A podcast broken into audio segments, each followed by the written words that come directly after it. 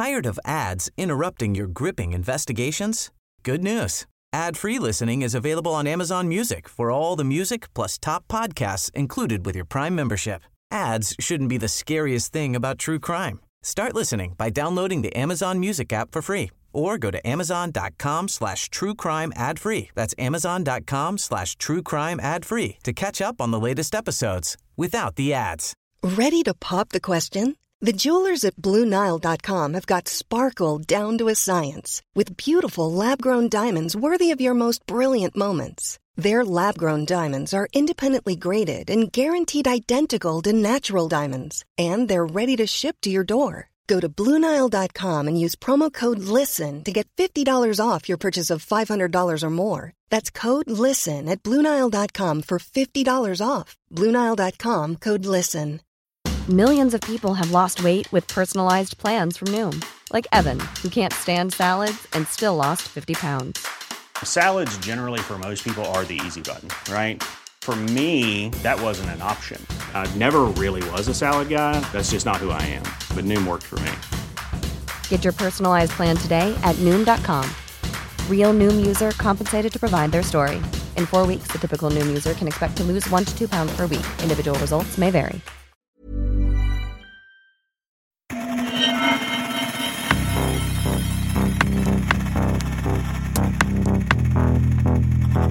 Expect more attacks on the government. They caused a lot of damage. On any computer crime, you want to look for the digital footprints. Dataintrång där interna handlingar läckte The ut. shadowy group behind the hacking attack on the Federal Reserve. Breaking into files. Beskriver dataintrången så mycket avancerade. This is just the beginning. We will respond, respond, respond, respond. Nätets mörka sida. Sanna historier om brottslighet på internet. Det här avsnittet handlar i grund och botten om allt för många komplexa saker som dessutom är så tätt ihoptvinnade att vi egentligen skulle behöva fördjupa oss rejält i varje del för att kunna förstå helheten. Men jag tänker försöka beskriva det ändå. Det är för viktigt för att inte ta upp och det påverkar oss alla direkt eller indirekt. Det här avsnittets tema handlar om hur vi människor ser på varandra, hur vi ser på staten och kanske framför allt hur staten ser på oss i dubbel bemärkelse på intended. Det handlar om mänskliga rättigheter, om maktmissbruk, censur, förtryck, diktatur och om hur vi påverkas av att leva under ständig kontroll och övervakning. Och även om det mesta i det här avsnittet kommer att handla om det som händer just nu i Kina på andra sidan jorden så är det här något som påverkar och kommer att påverka oss alla. Alla människor på hela planeten under lång tid framöver. Dagens avsnitt handlar om Skynet, den yttersta harmoniseringen.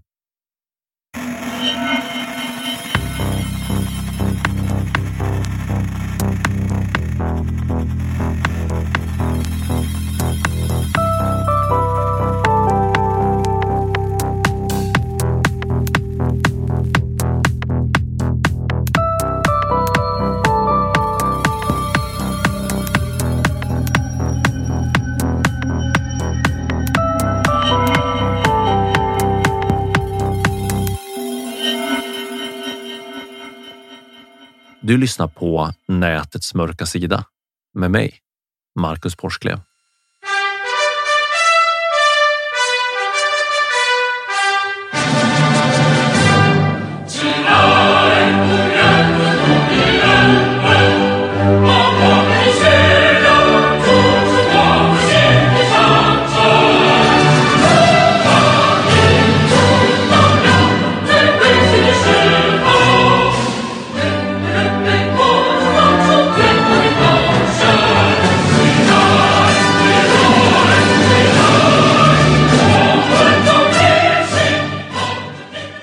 Statliga kontrollen över människors liv i Kina är så otroligt omfattande att det knappt går att förstå. Grunden till den här totalt dystopiska mardrömskontrollen som finns på plats idag, den har grundlagts genom flera årtusenden av kejsare som genom att utnyttja sin maktposition gradvis har utökat kontrollen av det kinesiska folket. Om inte för kontrollens egen skull så åtminstone för att behålla och utöka sin egen makt.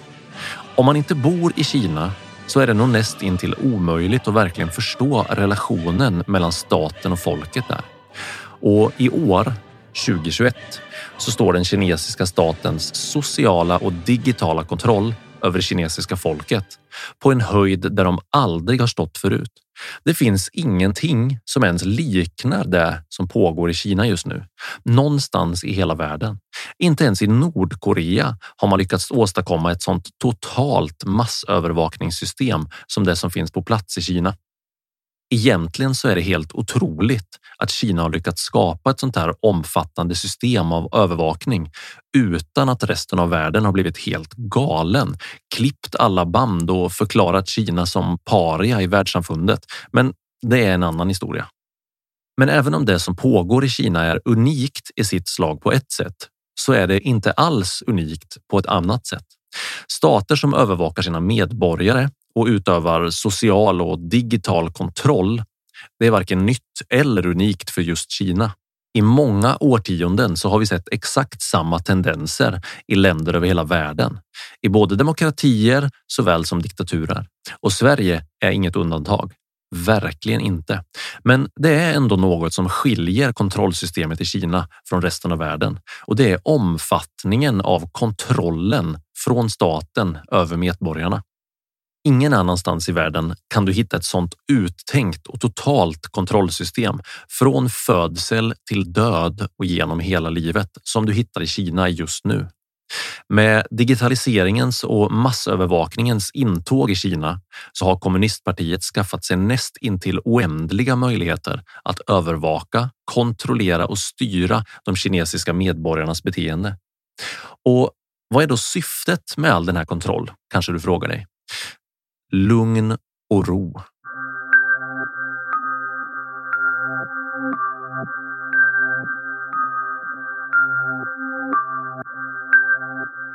Det är faktiskt inte svårare än så när man går till botten med det. Kommunistpartiet vill ha lugn och ro. De vill att saker och ting ska rulla på som vanligt utan störningsmoment. De vill ha lugn och ro så att de kan bibehålla sin maktposition. De vill ha lugn och ro så att de kan fortsätta tjäna pengar, fortsätta expandera Kinas investeringar i resten av världen och de vill ha lugn och ro för att helt enkelt kunna bestämma över 1,4 miljarder människor och se till att ingen får för sig att ändra på sakernas tillstånd. Och det är kanske extra viktigt just i år, 2021, eftersom kommunistpartiet fyller 100 år i år, vilket såklart firas med pompa och ståt med militärparader och stora fester på gatorna över hela Kina. Men framför allt så firas det så storartat för att kommunistpartiet vill att det ska firas storartat och de vet att den sociala och digitala kontrollen över 17 procent av världens befolkning gör det möjligt att fira 100-årsjubileet i just lugn och ro.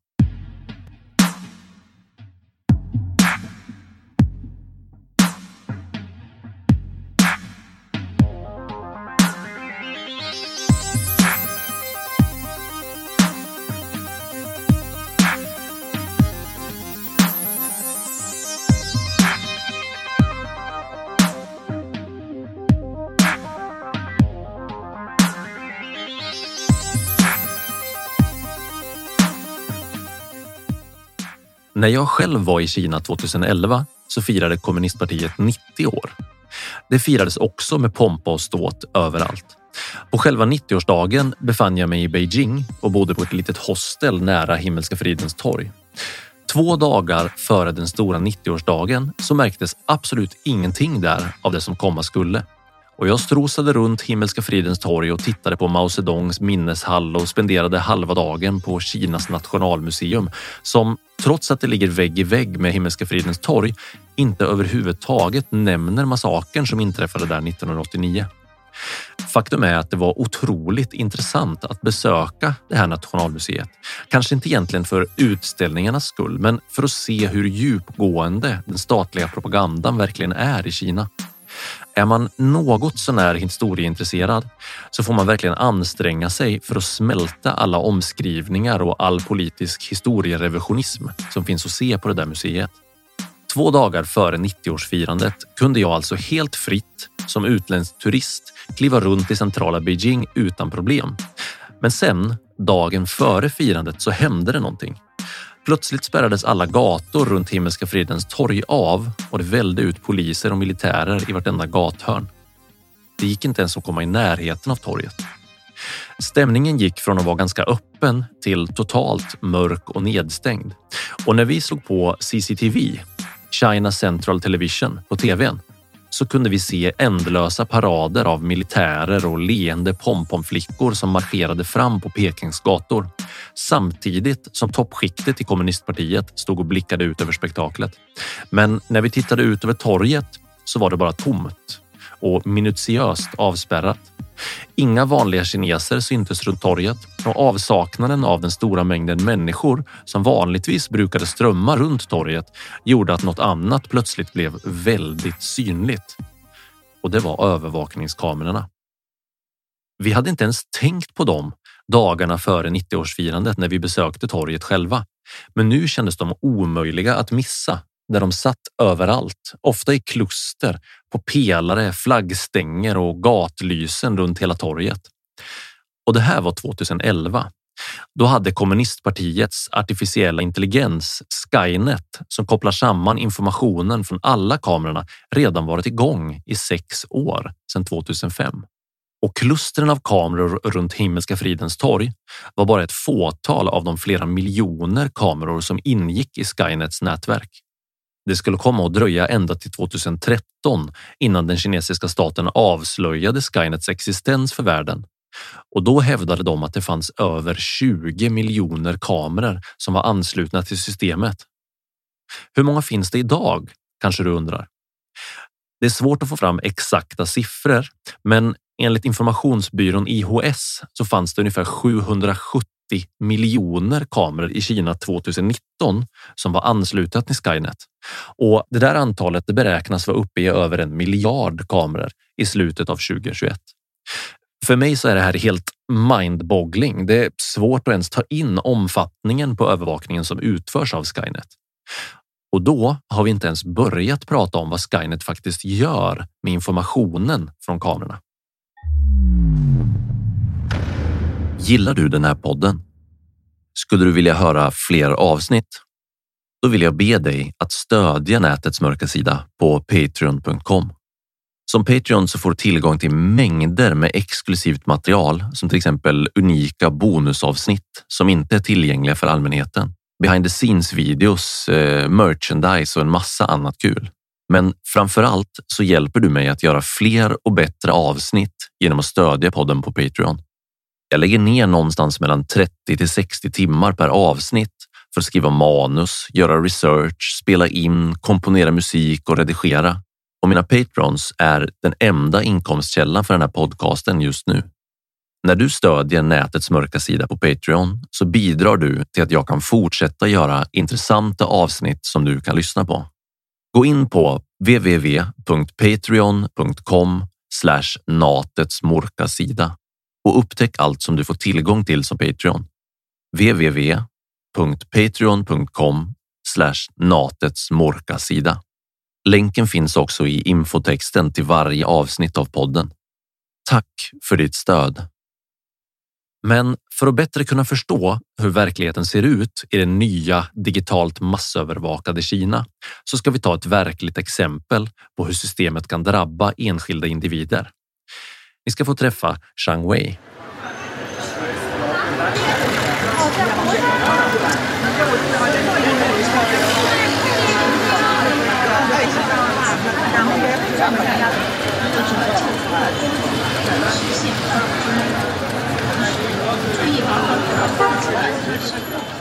Zhang Wei var på toppenhumör när han gick gatan fram och tuggade på en bit Jing Jing, en slags ingefärsgodis från hans hemstad Xi'an som hans syster hade skickat till honom när terminen började.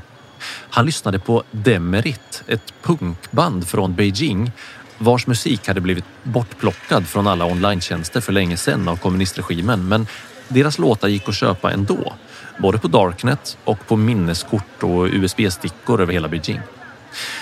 Wang Jing och han skulle äntligen träffas, bara de två, och gå på en poesikväll. Han var riktigt peppad och helt nerkärad i Wang Jing. Men trots att Zhang Wei egentligen var på riktigt bra humör så var han ändå lite orolig för att någon hade hackat hans bankkonton. För när han skulle köpa marmorerade ägg och dumplings på lunchen så hade det varit något strul med hans betalfunktion på mobilen. Det hade inte funkat som vanligt att betala med appen men som tur var så hade hans klasskompisar lånat honom pengar till lunchen. Efter jobbet så hade Jean kollat mejlen med spänd förväntan bara för att inse att hans ansökan om att få jobba som parkarbetare hemma i Xi'an över sommaren hade blivit avslagen utan någon motivering från den regionala partisamordnaren. Men pengaproblem var inget som man kunde fokusera på nu när han bara hade Wang Jing i tankarna. Både Zhang Wei och Wang Jing var studenter på Beijing Institute of Graphic Communication och de hade träffats några veckor tidigare på en föreläsning om responsiv UI-design på universitetet. När studenterna skulle arbeta med ett PM efter föreläsningen så hamnade de i samma grupp och det visade sig att de hade mycket gemensamt. Båda älskade Jingjing-godis. Båda hade sitt ursprung i Xi'an Staden som är känd både för de enorma arméerna av lerfigurer som finns i de gamla kejsargravarna utanför staden, men också för sin muslimska minoritet, sina vackra moskéer och för att en gång i tiden ha varit slutstation för Sidenvägen. Zhang Wei och Wang Jing fattade snabbt tycke för varandra och de höll kontakten utanför skolan med hjälp av WeChat som är en av Kinas mest populära appar. WeChat kan göra det mesta. Du kan betala med appen, ungefär som vi gör med Swish här i Sverige. Du kan chatta med dina vänner, ungefär som i Facebook Messenger. Och det är en social media-app också. Dessutom så kan du spela mobilspel på WeChat. Du kan ringa videosamtal och titta på videor i appen. Den brukar kallas för “the app of everything” eftersom du kan göra nästan vad som helst utan att någonsin behöva lämna appen. I Kina används WeChat nu i mycket större utsträckning för att betala med än vanliga kreditkort. På den punkten så ligger vi i Sverige långt efter Kina. WeChat är världens största mobilapp efter Facebook och det är 1,2 miljarder människor som använder WeChat varje dag. Och eftersom WeChat delar 100 procent av all sin data med kommunistregimen i Kina så är den också det perfekta massövervakningssystemet för att hålla koll på vad folk faktiskt gör med sina mobiltelefoner. Men att det kanske fanns en risk med att använda WeChat, det var inget som Zhang Wei och Wang Jing tänkte på när de chattade med varandra och skickade flörtande emojis fram och tillbaka på WeChat. Egentligen så borde det ha ringt en varningsklocka kring WeChat för länge sedan hos Zhang Wei, men det var inget han tänkte på nu. Några månader tidigare så hade Zhang Wei skrivit lite på WeChat med Li Jun, en gammal kompis från skolan i Xi'an och berättat om studentlivet i Beijing. I deras chatt så hade Li Jun frågat om han inte var rädd för alla brottslingar i Beijing och Zhang Wei hade beskrivit hur han kände. Han skrev att han oftast kände sig trygg på dagarna men att han ibland på kvällarna, om han hade suttit kvar länge på universitetet och pluggat, kände sig lite orolig för att gå hem själv. Och han skrev att det berodde både på att det ibland fanns lite otäcka typer i tunnelbanan men också för att han en kväll hade sett fyra polismän misshandla en uteliggare på gatan. När Zhang Wei kollade chatten med Li Jun nästa dag så såg hans förra meddelande helt annorlunda ut. Det fanns ingenting längre om varken uteliggaren som fick stryk av polisen eller att det fanns läskiga typer i tunnelbanan. På något sätt så hade texten ändrats sedan han skrev den. Men som sagt, det var inget som Zhang Wei tänkte på nu när han och Wang Jing flörtade på WeChat och han äntligen skulle få träffa henne utanför skolan.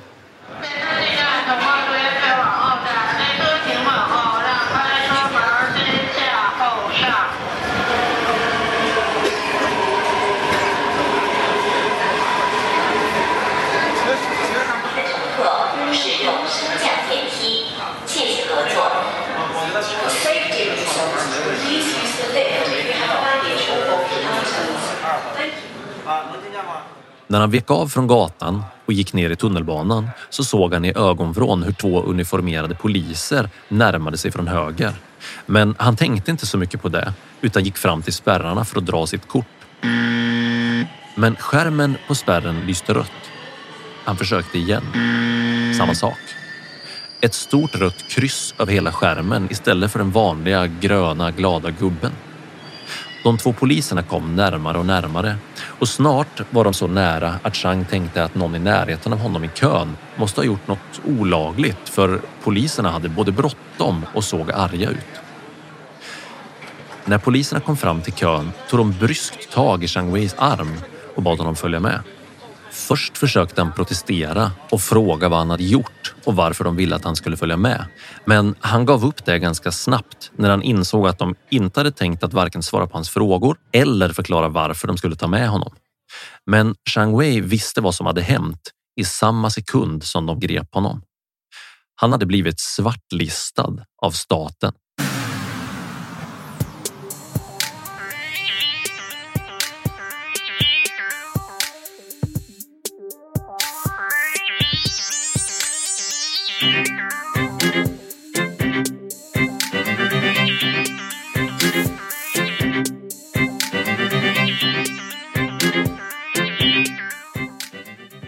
När poliserna hade kört honom till polisstationen så fick han sitta i häktet i nästan tre veckor innan någonting hände.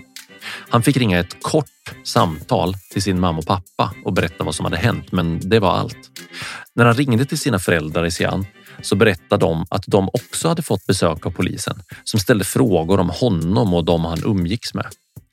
De berättade också att deras bankman hade ringt och berättat att avbetalningsplanen för deras huslån skulle ändras omedelbart och att räntan som de betalade varje månad skulle höjas rejält från och med nu.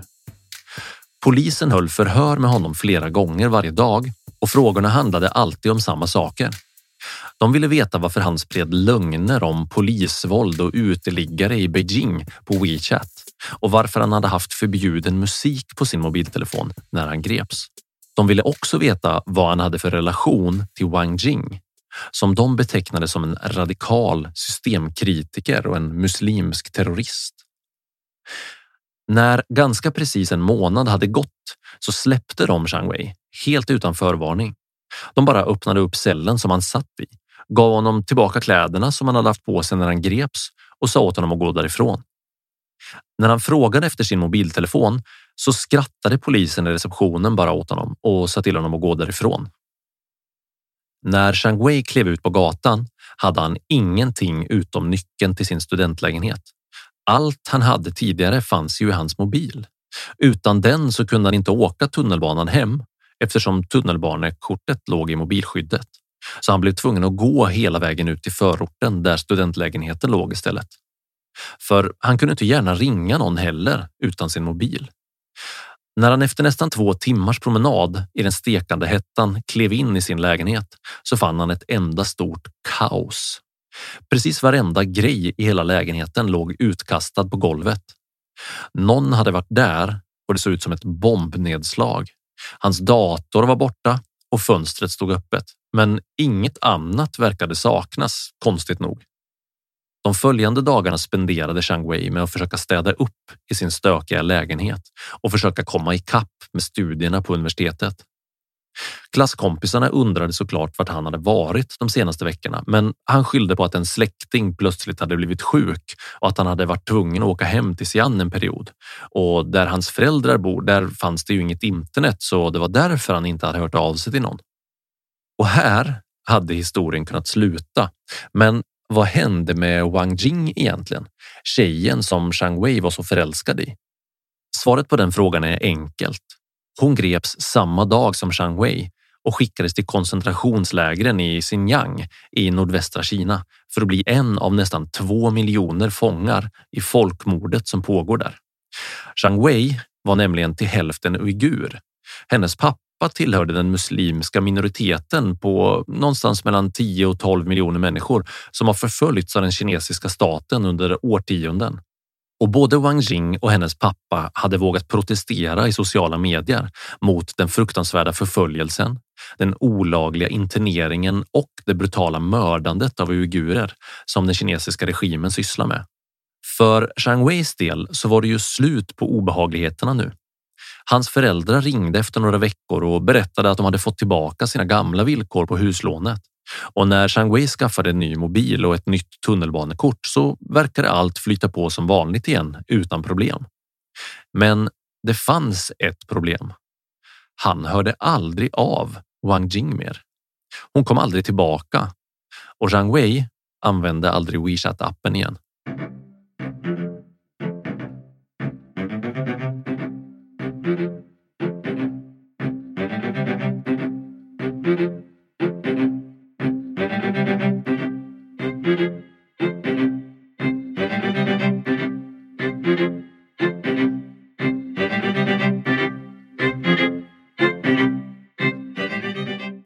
WeChat är det ultimata digitala massövervakningsverktyget för kommunistpartiet i Kina. Alla användares aktivitet spåras, sparas, analyseras och delas med den kinesiska regimen. Och eftersom du i princip kan leva hela ditt digitala liv utan att någonsin lämna appen så får regimen veta allt om dig genom WeChat. Men den kinesiska regeringens inblandning i WeChat slutar inte med att de bara samlar in och analyserar data om kineserna. Nej, de censurerar inlägg och allt mediematerial som betecknas som känsliga ämnen utan att förklara varför. Och de miljontals användarna som finns utanför Kina som kanske vågar skriva och söka på känsliga saker. Vad händer med deras information? Jo, den används också, men för att finputsa censuralgoritmerna inne i landet.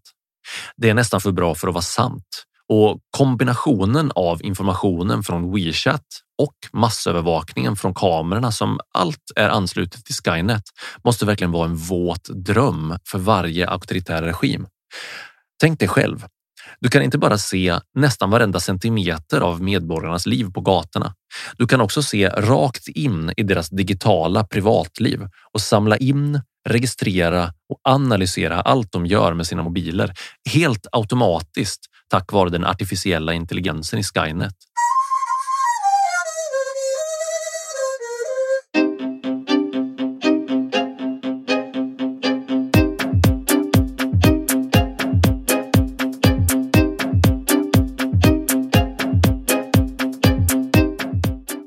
Ett enkelt men också talande exempel på hur långtgående övervakningen i Kina har kommit.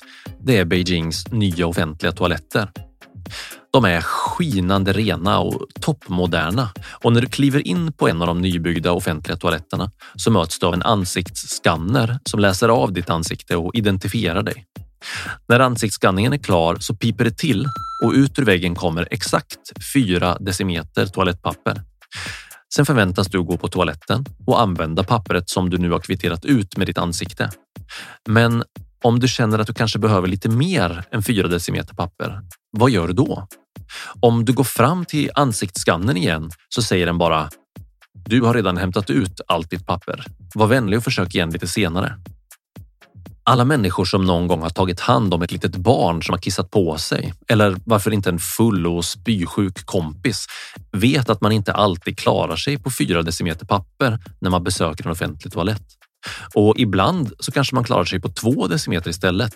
Men som sagt, det här är ett enkelt och talande exempel både för hur långt övervakningen har kommit men också för hur otroligt fel allt kan bli när man försöker trycka in alla människor i en och samma mall och utgår från att alla har samma behov. Det blir helt enkelt fel. Bisarrt nog så är kommunistpartiet väldigt dubbelt när det gäller just individualism kontra kollektivism. Och ett exempel på det är Kinas nya sociala kreditsystem som har varit i drift ungefär sedan 2014. Där är det tvärt de offentliga toaletterna så individualiserat att det nästan blir löjligt istället. Det sociala kreditsystemet det är en totalt dystopisk mardröm av Orwellska proportioner. det är egentligen otroligt komplicerat och Kina själva hävdar att det inte alls är lika omfattande och hemskt som utländska medier framställer det som. Men även om bara en tiondel av det som går att läsa på nätet om det sociala kreditsystemet vore sant, så skulle jag nog ändå klassa det som just en totalt dystopisk mardröm av Orwellska proportioner. Kommunistpartiet säger att syftet med det sociala kreditsystemet är att förbättra medborgarnas integritet, kreditmiljön i landet och öka landets totala konkurrenskraft. Kreditsystemet ska stärka incitamenten för företag att fatta sina verksamhetsbeslut i riktning mot industriella och tekniska politiska mål som har fastställts av den kinesiska regeringen. Enligt den kinesiska staten så inkluderar det här sociala kreditsystemet big data-baserade funktioner för att övervaka, värdera och styra beteendet av aktörer på marknaden på ett mer omfattande sätt än vad som är möjligt med vanliga kreditvärderingsmekanismer. Och nu kommer den snaskiga biten. Kina säger själva att systemet innefattar förmåner och belöningar, men också nackdelar och straff baserat på de olika aktörernas kreditvärde. Och det här gäller både företag och vanliga människor.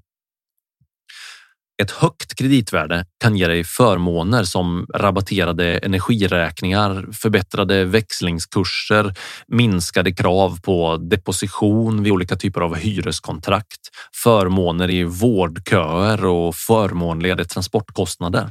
Ett lågt kreditvärde däremot kan istället ge svårigheter att få hyra bostad, att få köpa bostad, att få krediter och låna eller att köpa biljetter biljetter till kollektiva transporter och det kan även leda till olika former av svartlistning.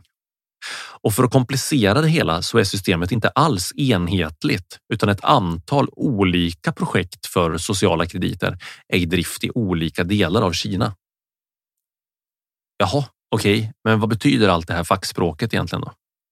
Det betyder att du hamnar i skiten om du inte gör som du blir tillsagd. Om ditt sociala kreditvärde sjunker så kan inte du få jobb. Du kan inte hyra lägenhet och du kan inte köpa hus. Du kan inte ta del av tjänster från företag och myndigheter som vet om din låga sociala kreditvärdighet. Du blir svartlistad och helt plötsligt så kan du inte ens öppna ett bankkonto eller skaffa ett betalkort eller varför inte ett nytt pass om du skulle våga dig på att tänka tanken och lämna landet. Kinas sociala kreditsystem jämförs ibland med Black Mirror-serien på Netflix, Storebrorboken 1984 eller typ vilken annan valfri sci-fi dystopi som du kan tänka dig. Men verkligheten är betydligt mycket mer komplicerad än så och faktiskt kanske ännu värre än fiktionen på en del sätt. Först och främst så finns det både statliga och privatägda versioner av det sociala kreditsystemet och dessutom så finns det väldigt täta kopplingar däremellan. Från början så handlar den statliga varianten mest om att kunna styra företag i den riktning som kommunistpartiet ville genom att höja och sänka deras sociala kreditvärde. Och den privatägda delen handlar om människors beteende. Men så är det inte längre. Nu är det snarare ett stort spindelnät av olika varianter på socialt kreditvärde för både privatpersoner och företag där alla projekten är sammankopplade och delar sina data med varandra inom Skynet. Och i toppen av allt så sitter givetvis höjdarna inom kommunistpartiet och styr. Det är nästan svårt att identifiera vad som inte ingår i det sociala kreditsystemet i Kina. De har koll på vad du handlar genom företagen som du köper saker av. De håller koll på vilka du är vän med genom din telefon och dina vanor i sociala medier och på internet. De bedömer om du är trovärdig och tillförlitlig genom att använda det gigantiska Skynet-systemet för massövervakning för att se om du till exempel ofta går mot rött ljus på gatan, om du ofta är ute och festar istället för att vara hemma, om du inte går på gymmet tillräckligt ofta eller om du lyssnar på musik för högt i tunnelbanan. Och om du får böter för något till exempel en felparkering, ja, då är det bäst att du betalar det illa kvickt om du inte vill störtdyka två snäpp ner i din sociala kreditrankning.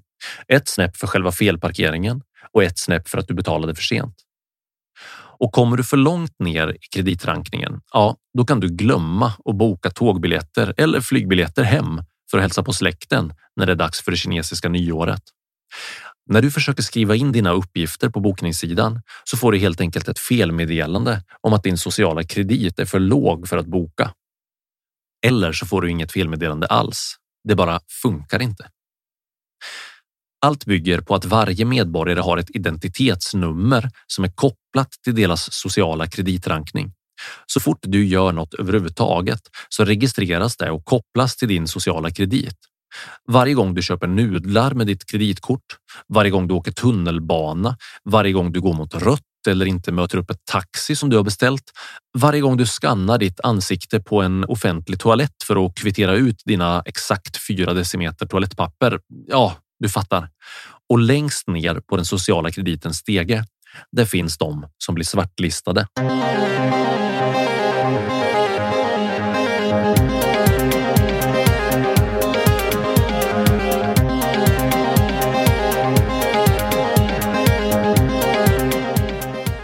Om du till exempel är skyldig staten pengar eller om du har gjort en massa grejer som inte bedöms vara positivt för din sociala kredit, då blir du svartlistad.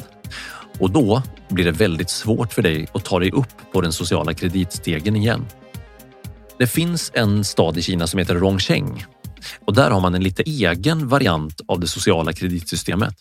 Där får varje medborgare tusen sociala kreditpoäng att börja med och sen kan poängen öka eller minska beroende på hur du beter dig. Cyklar du mot rött? Mm, då drar vi av 100 poäng. Gav du en del av din lön till välgörenhet förra månaden? Ja, då lägger vi till 100 poäng. Tjuvkopplar du din el från shoppinggatan bredvid slummen för att du inte har råd att betala för elen till plåtskjulet där du bor? Ja, då drar vi av 300 poäng. Spelar du online-spel mer än en timme varje vecka? Ja, då drar vi av 50 poäng. Men om du skaffar barn, ja, då lägger vi till 150 poäng. Ja, om du inte skaffar för många barn förstås. Glömmer du ur dig fler än två ungar, då drar vi bort 100 poäng för varje barn du får. Från början var det frivilligt att delta i det sociala kreditsystemet i Rongcheng. Men nu är det i princip omöjligt att leva där utan att vara en del i systemet eftersom inte du kan göra någonting utan att någon kollar upp din sociala kreditvärdighet.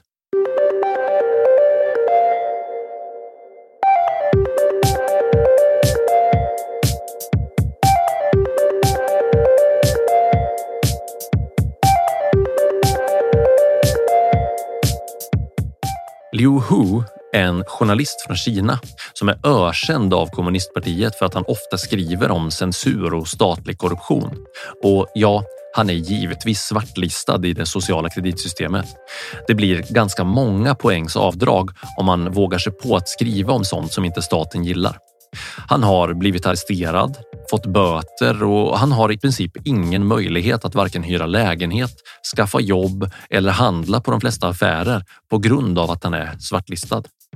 Liu Hu finns med på den kinesiska högsta folkdomstolens lista över ohederliga personer som ska särbehandlas enligt det sociala kreditsystemet. Och han kan inte lämna landet heller eftersom han inte kan boka en resa, varken inom eller utom Kinas gränser. Han får inte åka tåg.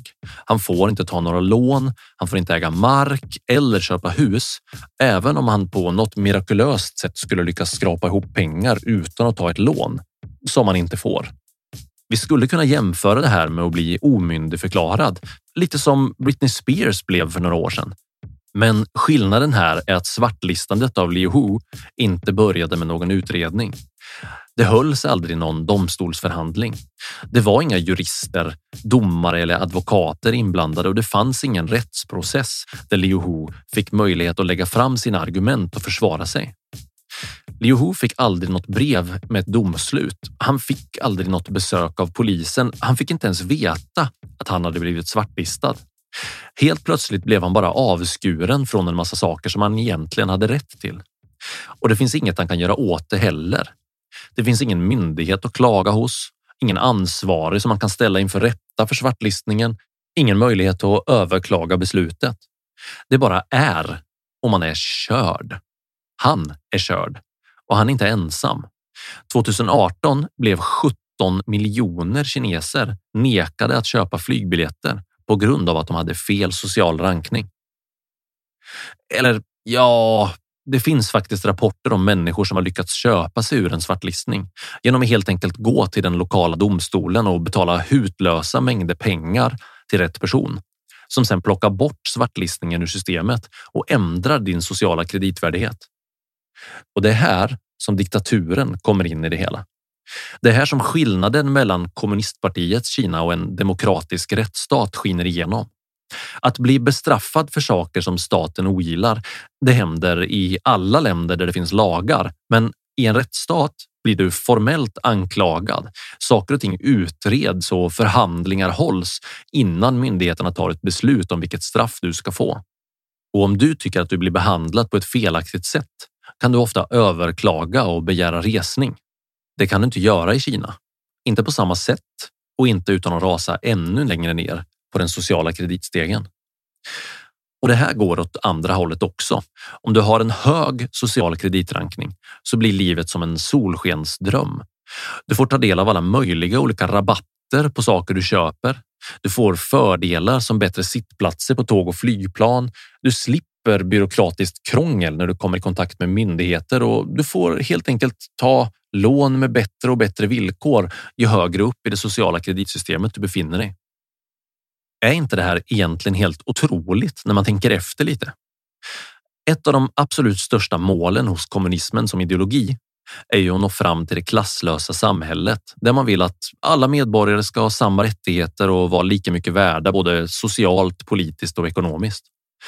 Ett samhälle där man delar in människor i olika klasser med olika värde. Det är alltså något som kommunister generellt verkligen är helt emot. Och nu i ett av de få länderna i världen som har haft ett enväldigt kommunistiskt parti som ledare sedan 1949 så har man nu alltså skapat precis exakt just det som man borde vara helt emot. Ett samhälle där alla delas in i olika klasser genom det sociala kreditsystemet. Hamnar du i rätt klass, då kan du leva loppan och njuta av överflödet som följer med en vinst i det sociala lotteriet.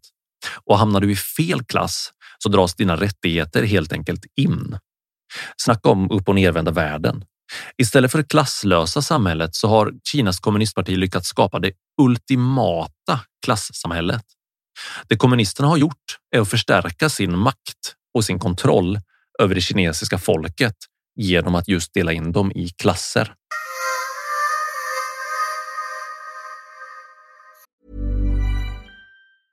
Mother's Day is around the corner. Find the perfect gift for the mom in your life with a stunning piece of jewelry from Blue Nile. From timeless pearls to dazzling gemstones, Blue Nile has something she'll adore. Need it fast? Most items can ship overnight. Plus, enjoy guaranteed free shipping and returns. Don't miss our special Mother's Day deals. Save big on the season's most beautiful trends. For a limited time, get up to 50% off by going to BlueNile.com. That's BlueNile.com. Tired of ads interrupting your gripping investigations? Good news. Ad-free listening is available on Amazon Music for all the music plus top podcasts included with your Prime membership. Ads shouldn't be the scariest thing about true crime. Start listening by downloading the Amazon Music app for free or go to amazon.com slash true crime ad free. That's amazon.com slash true crime ad free to catch up on the latest episodes without the ads.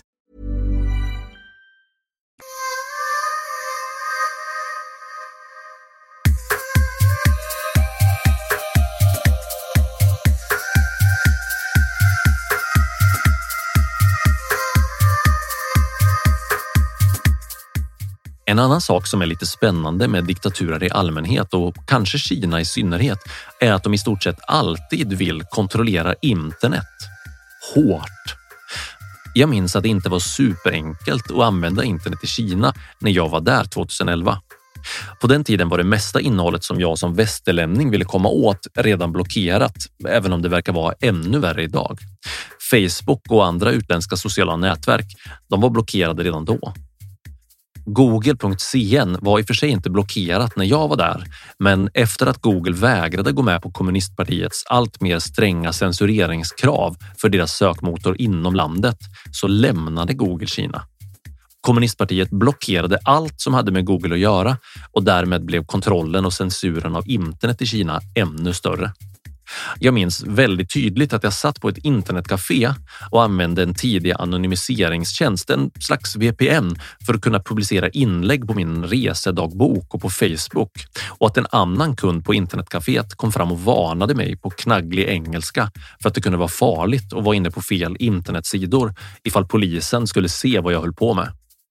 Och kanske så är det just det här som gör Kina till ett så ofantligt otäckt exempel på vad totalitära stater kan förvandlas till när deras makt får fortsätta att verka oinskränkt årtionde efter årtionde. Var för sig Sett som enskilda fenomen så är de sociala kreditsystemen, de gigantiska massövervakningssystemen, spårningen av WeChat och de kinesiska medborgarnas liv på internet och den artificiella intelligensen som kopplar samman alla de här systemen med varandra riktigt, riktigt otäcka saker. Men det är när man ser dem som en del av en helhet tillsammans med den nationella brandväggen som blockerar allt som inte kommunistpartiet vill att medborgarna ska se som verkligheten överträffar både Black Mirror och 1984. Och var tror du att övervakningssystemet har kommit längst i hela Kina? Var tror du att man utför flest ansiktsskanningar i det här gigantiska landet? Var har man mest kontroll över vad medborgarna gör med sina mobiler och på internet? Var tillämpas det sociala kreditsystemet som hårdast? I Xinjiang, i nordvästra Kina, där de muslimska minoriteterna, bland annat uigurerna, finns.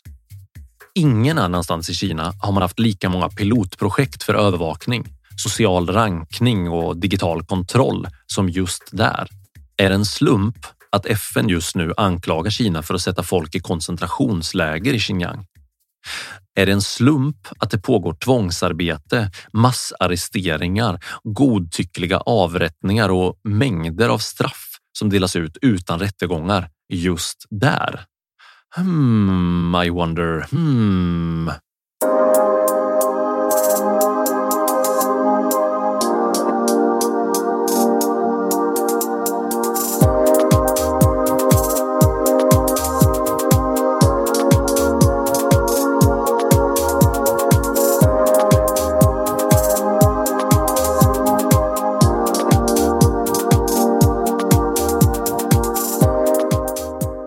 Jag har redan pratat en del om Skynet, det sjukt ironiska namnet på Kinas AI-styrda massövervakningssystem.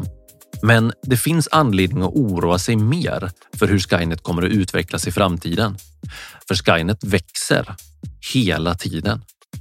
Projekt Sharp Eyes, eller Suliang som det heter på kinesiska, är det senaste i raden av utbyggnader av Skynets övervakningssystem. Och nu har den kinesiska staten verkligen siktat mot stjärnorna. SharpEyes är en enorm mängd stora investeringar för att bygga ut Skynet över hela Kina. Målet med projekt SharpEyes är att Skynets kameror ska tänka 100 procent av alla Kinas offentliga platser och arbetsplatser innan 2021 är slut. Man kan givetvis argumentera för att en 100-procentig täckning rent logistiskt är i princip omöjligt, men tanken är ändå skrämmande.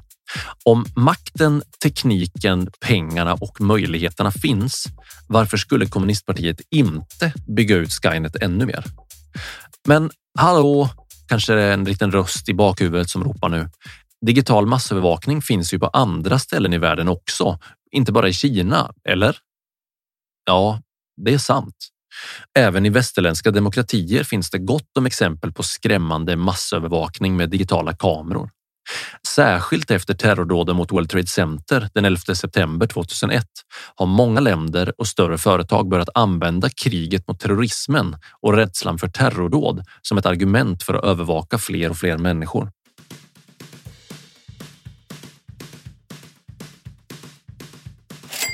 I London finns det något som brukar kallas för The Ring of Steel. Ett nätverk av poliskameror som används för att följa våldsverkare och människor som begår brott i gatumiljön. Exakt hur många kameror det rör sig om det är nästan omöjligt att säga och uppgifterna skiftar mellan så få som 650 kameror ända upp till en halv miljon kameror. Polisen i New York, NYPD, har åtkomst till över 6 000 privata och offentliga kameror på olika platser i staden. I flera delstater i USA, bland annat Texas, så används det nu säkerhetskameror med ansiktsigenkänning för alla som ska gå in i vissa offentliga byggnader och särskilt våldsutsatta skolor. I Memphis och Chicago finns det avancerade system med över 30 000 kameror. Med hjälp av datorer som analyserar innehållet från de här 30 000 kamerorna så kan systemet identifiera både skottlossningar, ansikten och läsa av nummerplåtar på bilar. Och när vi ändå är inne på sådana här hisnande siffror. I Storbritannien så finns det ungefär 6 miljoner övervakningskameror. Det är en för var tionde britt. I USA finns det 62 miljoner kameror. Det är en för var femte amerikan. Och hur många av de här kamerorna är anslutna till internet kan man undra.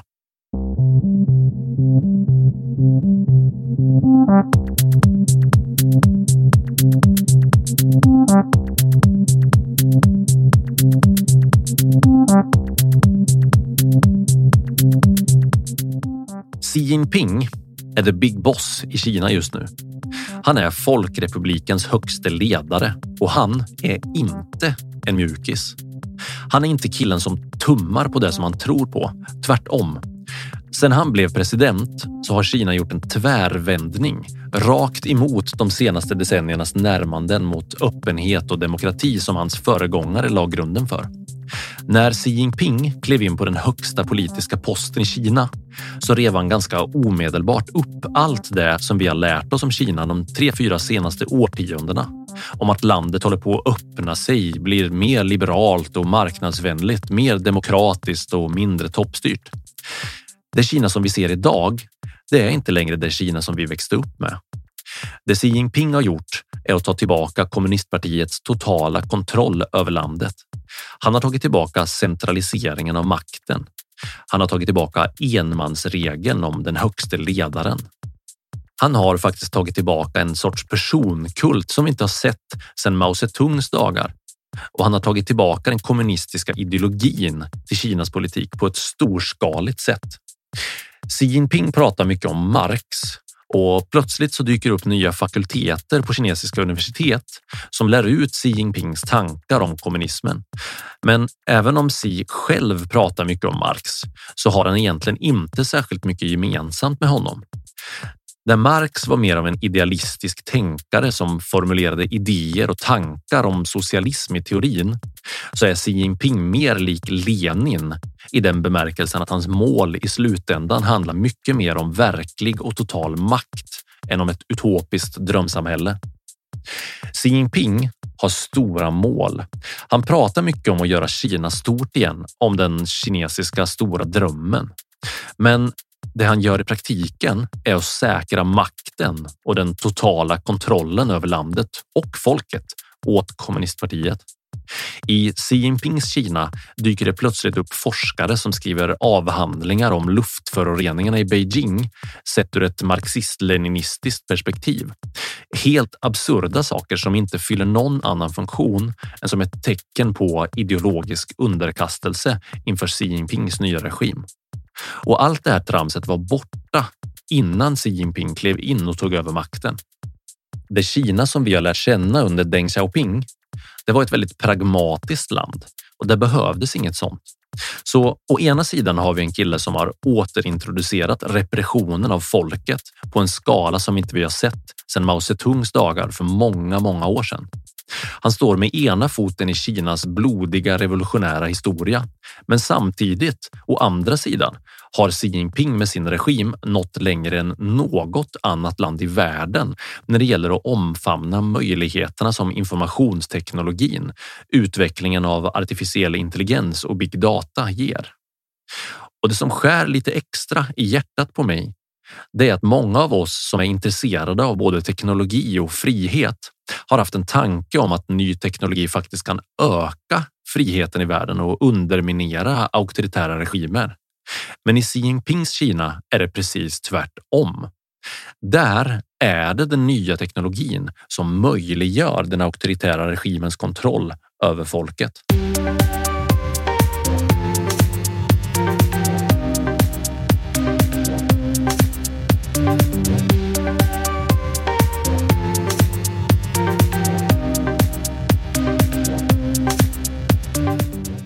Den digitala massövervakningen och förtrycket av minoriteter i Xinjiang är ett av Xi Jinpings flaggskeppsprojekt.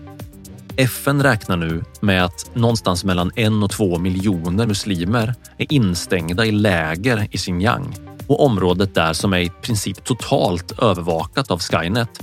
Det sträcker sig över en yta som är tre gånger så stor som Frankrike. Före Xi Jinpings tid hade Kina satsat på att undvika interna konflikter genom att försöka höja levnadsstandarden för folket.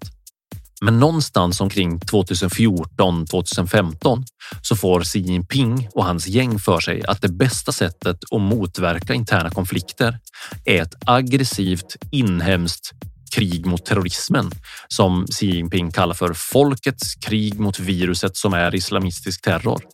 Xi Jinping är vad vi i Sverige skulle kalla för en riktig islamofob och bland det han fruktar mest av allt är att muslimer från de centrala delarna av Asien ska komma att få större och större inflytande i Kina.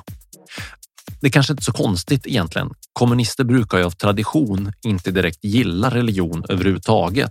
Men bland alla opium för folket så avskyr Xi Jinping islam mest.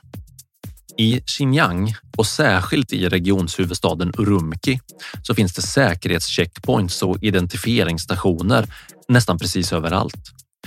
Människor måste visa sina ID-kort och skanna sina ansikten framför kameror innan de går in i mataffären och handlar. Innan de tar in på ett hotell, innan de åker buss eller bara allmänt vistas i offentliga miljöer.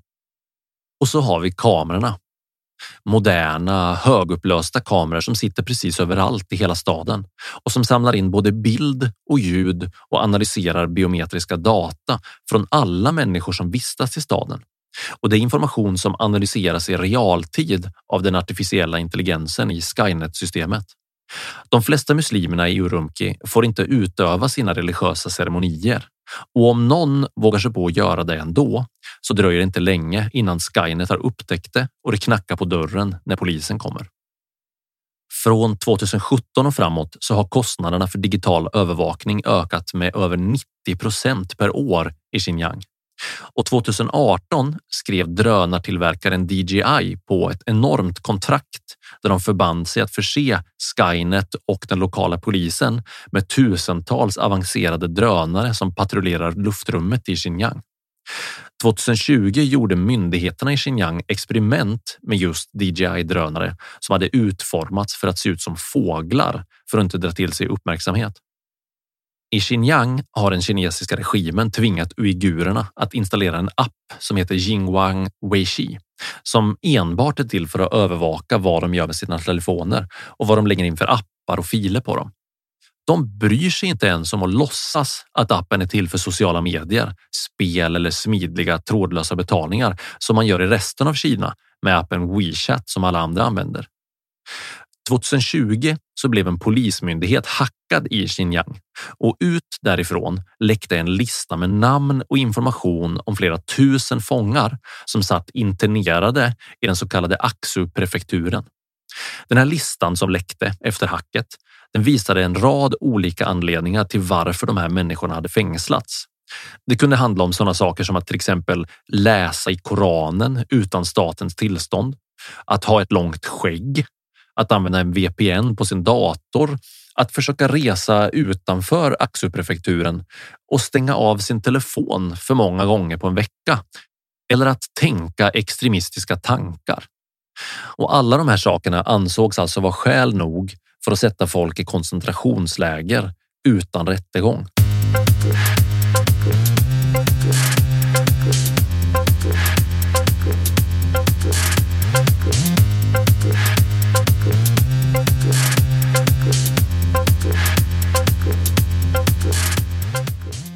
Kanske är det Xi Jinpings fruktan för både muslimer och islam, men framför allt islamistisk terror som har drivit på utvecklingen av den extrema digitala kontrollen över muslimerna i Xinjiang.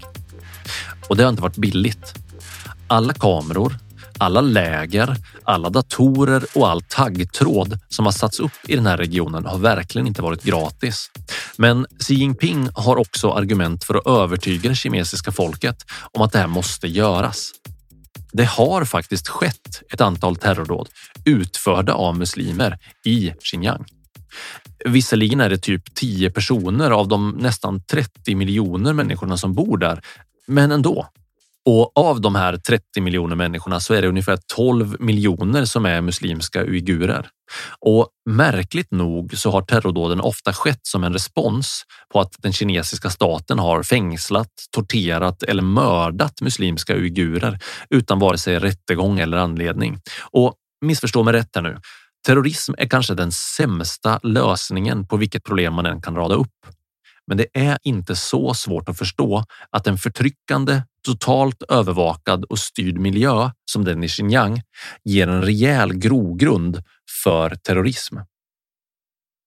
Xi Jinpings mantra för att föra folkets krig mot terrorismen, det är, för att använda hans egna ord, att släppa loss alla diktaturens verktyg och inte visa någon som helst nåd.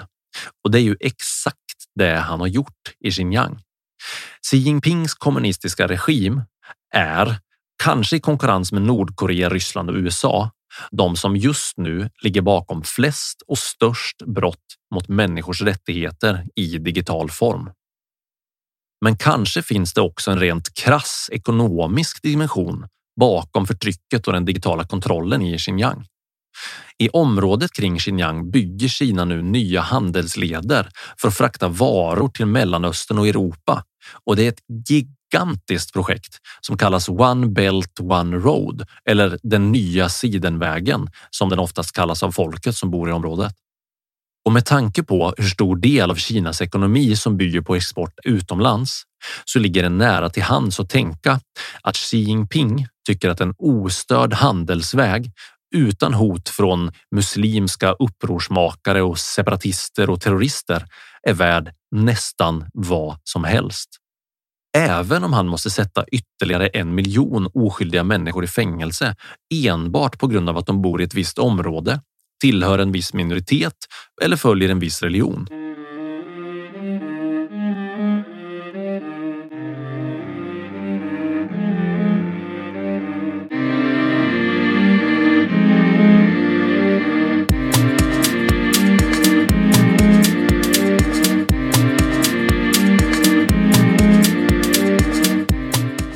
Senaste framgången för Skynet i Kina var när man sjösatte Operation Skynet 2021 efter årsskiftet. Skynet 2021 är delvis ett sätt för Kina att på digital väg leta upp människor som har flytt från regimen. Antingen inom landet eller utanför och både fånga dem och beslagta deras egna pengar och de eventuella pengar som de har snott med sig från regimen. Totalt hävdar regimen att de har lyckats fånga in nästan 1500 människor som de hävdar är korrupta före detta statsanställda och många av dem har fångats utomlands och förts tillbaka till landet. Och det är det gigantiska nätet av övervakningskameror, socialt kreditsystem och regimstyrda appar som har gjort allt det här möjligt. Okej, så nu vet vi att Kinas digitala övervakningssystem är än värre än våra värsta mardrömmar. Men hur är det i resten av världen då? Ja, det finns egentligen ingenting som ens kommer i närheten av hur illa det är i Kina. Men det finns definitivt en hel del saker att oroa sig för ändå. Företaget Axiom äger omfattande data om över 700 miljoner människor världen över, varav 300 miljoner ungefär är EU-medborgare. Clearview AI har en databas på över 3 miljarder bilder som används i deras system för ansiktsigenkänning. Och det drivs av, yes, you guessed it, en form av artificiell intelligens. I princip alla länder i världen avlyssnar och övervakar sina medborgare i någon mån, mer eller mindre. Och innan du bryter ihop nu och gömmer under en foliehatt, så nej, Försvarets radioanstalt, FRA, tjuvlyssnar inte hela tiden på dina telefonsamtal om de inte misstänker att du har begått brott. Men de kan definitivt göra det om de vill och om de tycker att de har anledning att göra det. Men däremot så använder FRA bland annat det amerikanska digitala övervakningssystemet X-Keyscore som samlar all metadata från internet och våra telefoner för att övervaka personer som är av intresse för dem. Och det är verkligen som scary shit som förtjänar ett eget avsnitt. Om din metadata och dina sökningar på internet sammanfaller med tillräckligt intressanta saker för FRA, då kan du bli flaggad och bli föremål för utredning och vidare övervakning. Ett bra exempel på det här det är Boliden-terroristen Muttar Mohtana Majid som jagades över hela Sverige misstänkt för terrorism bara för att hittas på ett flyktingboende i Boliden. Och sen när hela cirkusen var över så visade det sig att han var helt oskyldig. Alla de här systemen har ju egentligen goda avsikter som att motverka brottslighet och identifiera terrorister. Men det kan finnas en poäng med att ställa sig frågan vad kan hända om någon med onda avsikter missbrukar de här systemen? Vad händer om de här systemen blir hackade?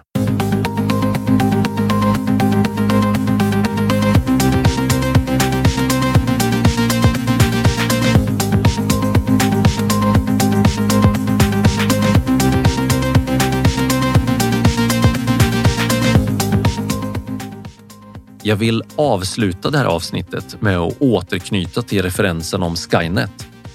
I Terminator-filmerna så är Skynet ett datornätverk med artificiell intelligens. Det var ursprungligen ett automatiseringssystem för USAs militär, men det blev självmedvetet och försökte utplåna alla människorna på jorden i en kärnvapenattack som kom att kallas för domedagen. Eller Judgment Day. Efter domedagen så kämpade de överlevande människorna mot Skynets maskiner. Filmerna Skynet såg allt, visste allt och styrde allt.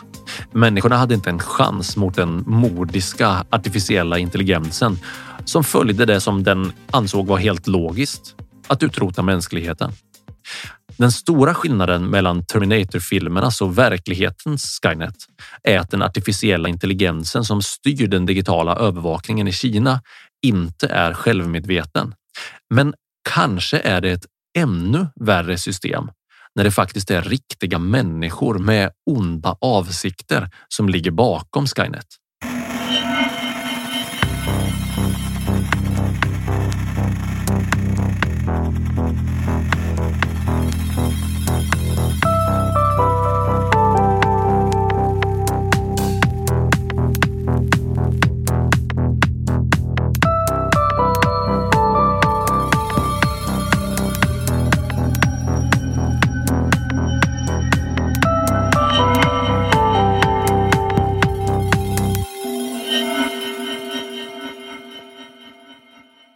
Du har lyssnat på Nätets mörka sida med mig, Marcus Porsklian. Tired of ads interrupting your gripping investigations? Good news. Ad-free listening is available on Amazon Music for all the music plus top podcasts included with your Prime membership. Ads shouldn't be the scariest thing about true crime. Start listening by downloading the Amazon Music app for free or go to amazon.com slash true crime ad free. That's amazon.com slash true crime ad free to catch up on the latest episodes without the ads. Planning for your next trip? Elevate your travel style with Quince. Quince has all the jet setting essentials you'll want for your next getaway, like European linen, premium luggage options, buttery soft Italian leather bags, and so much more. And is all priced at 50 to 80% less than similar brands. Plus, Quince only works with factories that use safe and ethical manufacturing practices. Pack your bags with high-quality essentials you'll be wearing for vacations to come with Quince. Go to quince.com/pack for free shipping and 365-day returns. Mother's Day is just around the corner, and it's time to pamper the special moms in your life. And what better way than with Osea's limited edition skincare sets featuring clean, vegan, cruelty-free products that are safe for your skin and the planet. Osea is a women founded, women led brand that's been making seaweed infused products for nearly 30 years. This Mother's Day, Osea has two limited edition sets, perfect for gifting or keeping for yourself. Their Golden Glow body set includes three clinically proven bestsellers for silky, smooth, glowing skin, while the Glow and Go facial set has everything she needs to achieve spa level results at home. They're so beautiful, you can skip the wrapping. For a limited time, you can save up to $48 on Osea sets, plus get free shipping. That's Mother's Day made easy. Pamper the moms in your life and get 10% off your first order site wide with code MOM at OseaMalibu.com. That's O S E A Malibu.com code MOM.